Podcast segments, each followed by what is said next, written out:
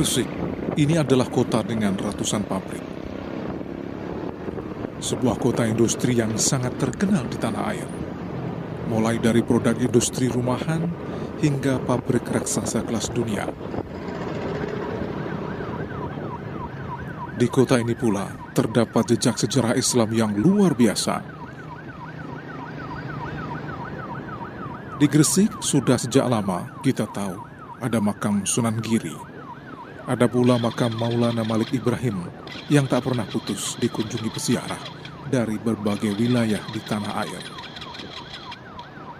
Bahkan banyak peziarah yang datang dari kawasan Asia, Eropa, Amerika, dan Afrika. Saat ini saya bersama Zubed Harfi sedang menuju ke Desa Leran.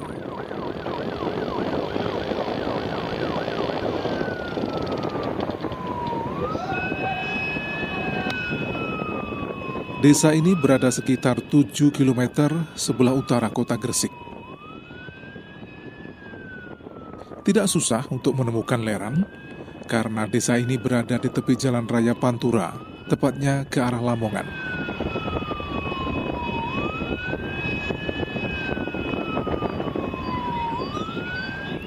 Leran inilah yang konon menjadi tempat pertama yang dituju Syekh Maulana Malik Ibrahim saat tiba di tanah Jawa.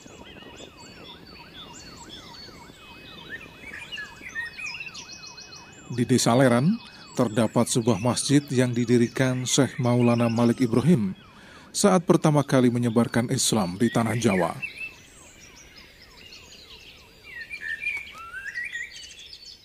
Di desa ini pula ditemukan sisa-sisa kehidupan bandar atau pelabuhan kuno yang menjadi bukti bahwa dulu desa Leran merupakan pelabuhan besar di pantai utara Pulau Jawa.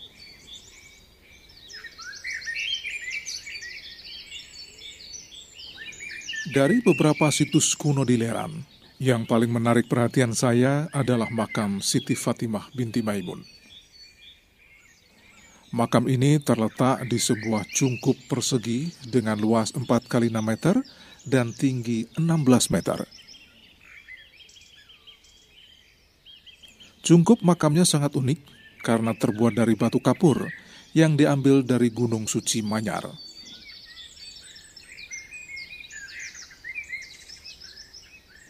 Berbeda dengan bangunan makam para aulia atau para wali pada umumnya, Cungkup makam Siti Fatimah binti Maimun ini menyerupai sebuah candi pada masa Hindu-Buddha. Sesepuh desa Leran, Haji Hasim bercerita, Fatimah binti Maimun adalah penyebar agama Islam yang berasal dari Kedah. Siti Fatimah binti Maimun ini adalah penyebar Islam pertama sebelum Wali Songo.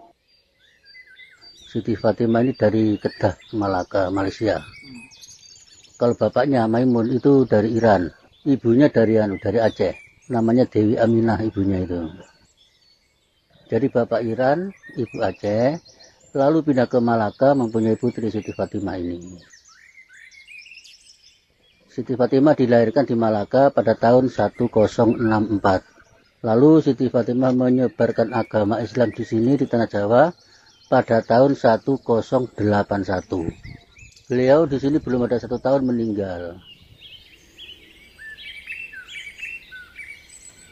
Selain makam Siti Fatimah binti Maimun, di dalam cungkup juga terdapat makam empat kerabat dekatnya. Sementara itu, di luar cungkup terdapat beberapa makam kerabat Siti Fatimah yang konon ikut mengantar Siti Fatimah menyebarkan Islam di tanah Jawa. Di antara banyak makam itu terdapat delapan makam panjang. Enam makam berukuran 9 meter dan dua makam lainnya panjangnya 6 meter. Menurut Haji Asim, mereka adalah paman Siti Fatimah binti Maimun. Tadi Bapak melihat yang panjangnya ya? ya, ya. Yang panjang itu ada ada tiga, yang sebelah timur lagi ada dua. Itu yang tiga itu paman Siti Fatimah itu ya namanya saya Jakbar Harim Sarif itu paman. Paman dari ayahnya. Kalau yang sebelah timur saya Jalal Jamal yang ada di luar itu Jamaluddin itu paman dari ibunya itu. Fatimah binti Maimun bin Hibatullah. Wafat hari Jumat 12 Rabiul Awal 475 Hijriah atau 1082 Masehi.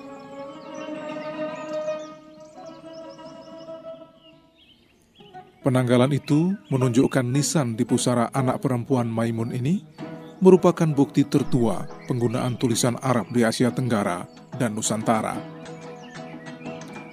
Inskripsi nisan Fatimah tepatnya terdiri dari tujuh baris, ditulis dengan huruf Arab dengan gaya kufi, salah satu ragam kaligrafi dengan tata bahasa Arab yang sangat baik. Nisan ini juga memuat ayat Al-Quran, antara lain surat Ar-Rahman, ayat 27 dan 28, serta surat Ali Imran ayat 185.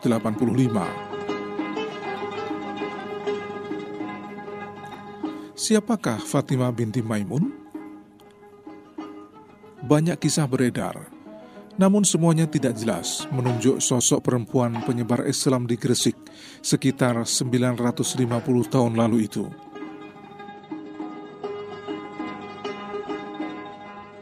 Cendikiawan Muslim Umar Amin Husin berpendapat, di Persia ada satu suku namanya Leren. Suku itulah yang mungkin dulu datang ke Jawa, sebab di Giri ada kampung bernama Leren. Begitu juga ada suku Jawi di Persia. Suku itulah yang mengajarkan huruf Arab yang terkenal di Jawa, yakni huruf Pegon. Sehingga jika ditarik kesimpulan, pada abad ke-10 atau 11, sudah ada lalu lintas dagang antara Nusantara dengan Parsi. Peristiwa itu terjadi berulang-ulang, serta dimengerti banyak orang, baik di Jawa maupun di Iran.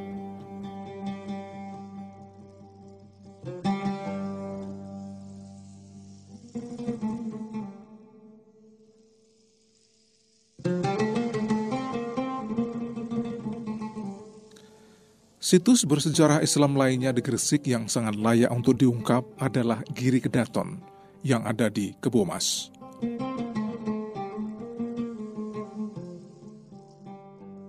Giri Kedaton didirikan tahun 1487 oleh Raden Paku, salah satu anggota Wali Songo. Di atas bukit ini, mitra muslim, awalnya didirikan pesantren bernama Giri Kedaton Raden Paku sebagai pemimpin bergelar Prabu Satmoto atau Sunan Giri I.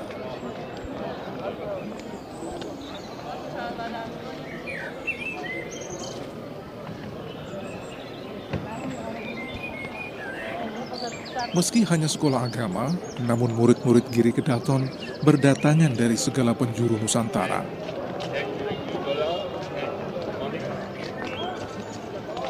Mereka tidak hanya dari kalangan rakyat kecil, tapi juga para bangsawan. Kisah ini dituturkan oleh Mukhtar, penjaga situs Giri Kedaton. Para ulama, para tokoh-tokoh agama Islam yang sejajar dengan Sunan Giri mempunyai gagasan alangkah baiknya kalau di Kedaton ini sekalian dijadikan sebuah pemerintahan Islam Terus akhirnya pada tahun 1487 gagasan mereka itu akhirnya terwujud. Dijadikanlah Giri ini sebagai sebuah pemerintahan dengan nama Giri Kedaton. Sebagai kepala pemerintahnya yaitu uh, Sunan Giri sendiri dengan diberi gelar Prabu Satmoto.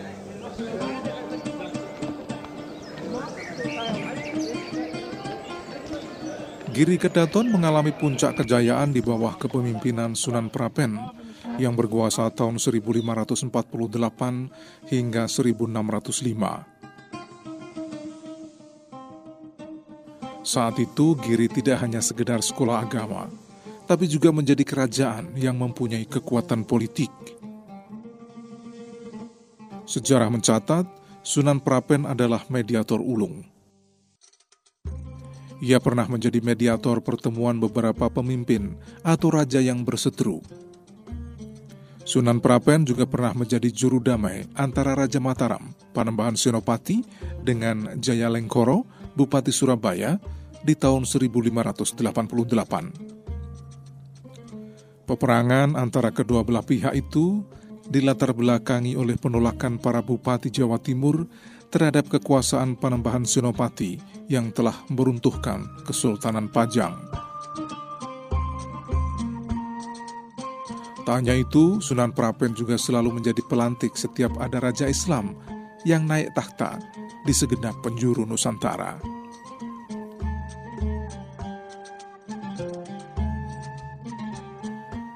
Pada tahun 1630, Kesultanan Mataram di bawah pemerintahan Sultan Agung Tirtoyoso menghendaki agar Giri Kedaton tunduk sebagai daerah bawahan. Namun Giri Kedaton di bawah pimpinan Sunan Kawis Guo menolak. Tak seorang pun perwira Mataram yang berani menghadapi Giri. Rupanya mereka masih menghormati Wali Songo, meskipun dewan tersebut sudah tidak ada lagi.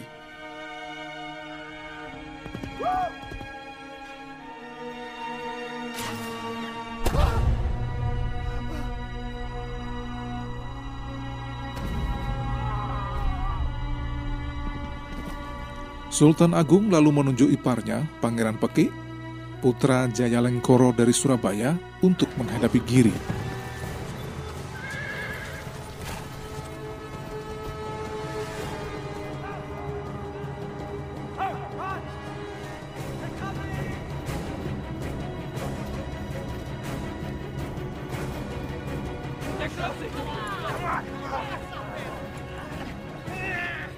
Perang akhirnya dimenangkan pihak Mataram dan Giri Kedaton takluk sekitar tahun 1636 serta menjadi bawahan Kerajaan Mataram.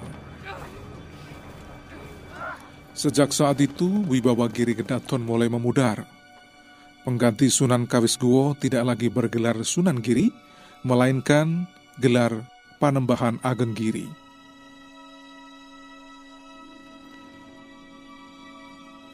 Giri Kedaton yang sudah menjadi bawahan Mataram kemudian mendukung pemberontakan Trunojoyo dari Madura terhadap pemerintahan Amangkurat I, putra Sultan Agung. Puncak pemberontakan terjadi tahun 1677, di mana Kesultanan Mataram mengalami keruntuhan dan Amangkurat I meninggal dalam pelarian.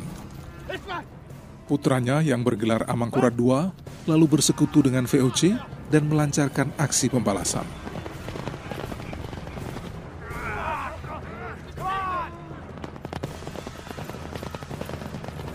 Amangkurat II yang menjadi raja tanpa takhta berhasil menghancurkan pemberontakan Trunojoyo pada akhir tahun 1679. Sekutu Trunojoyo yang bertahan paling akhir adalah Giri Kedaton.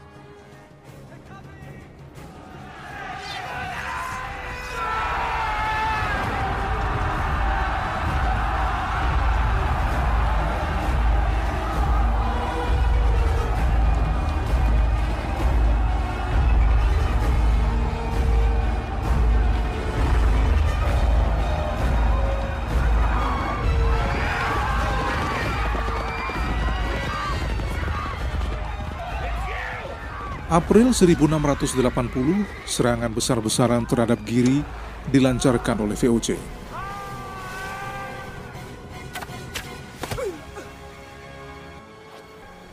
Saat itu salah satu murid andalan Giri yang menjadi panglima para santri adalah Pangeran Singosari.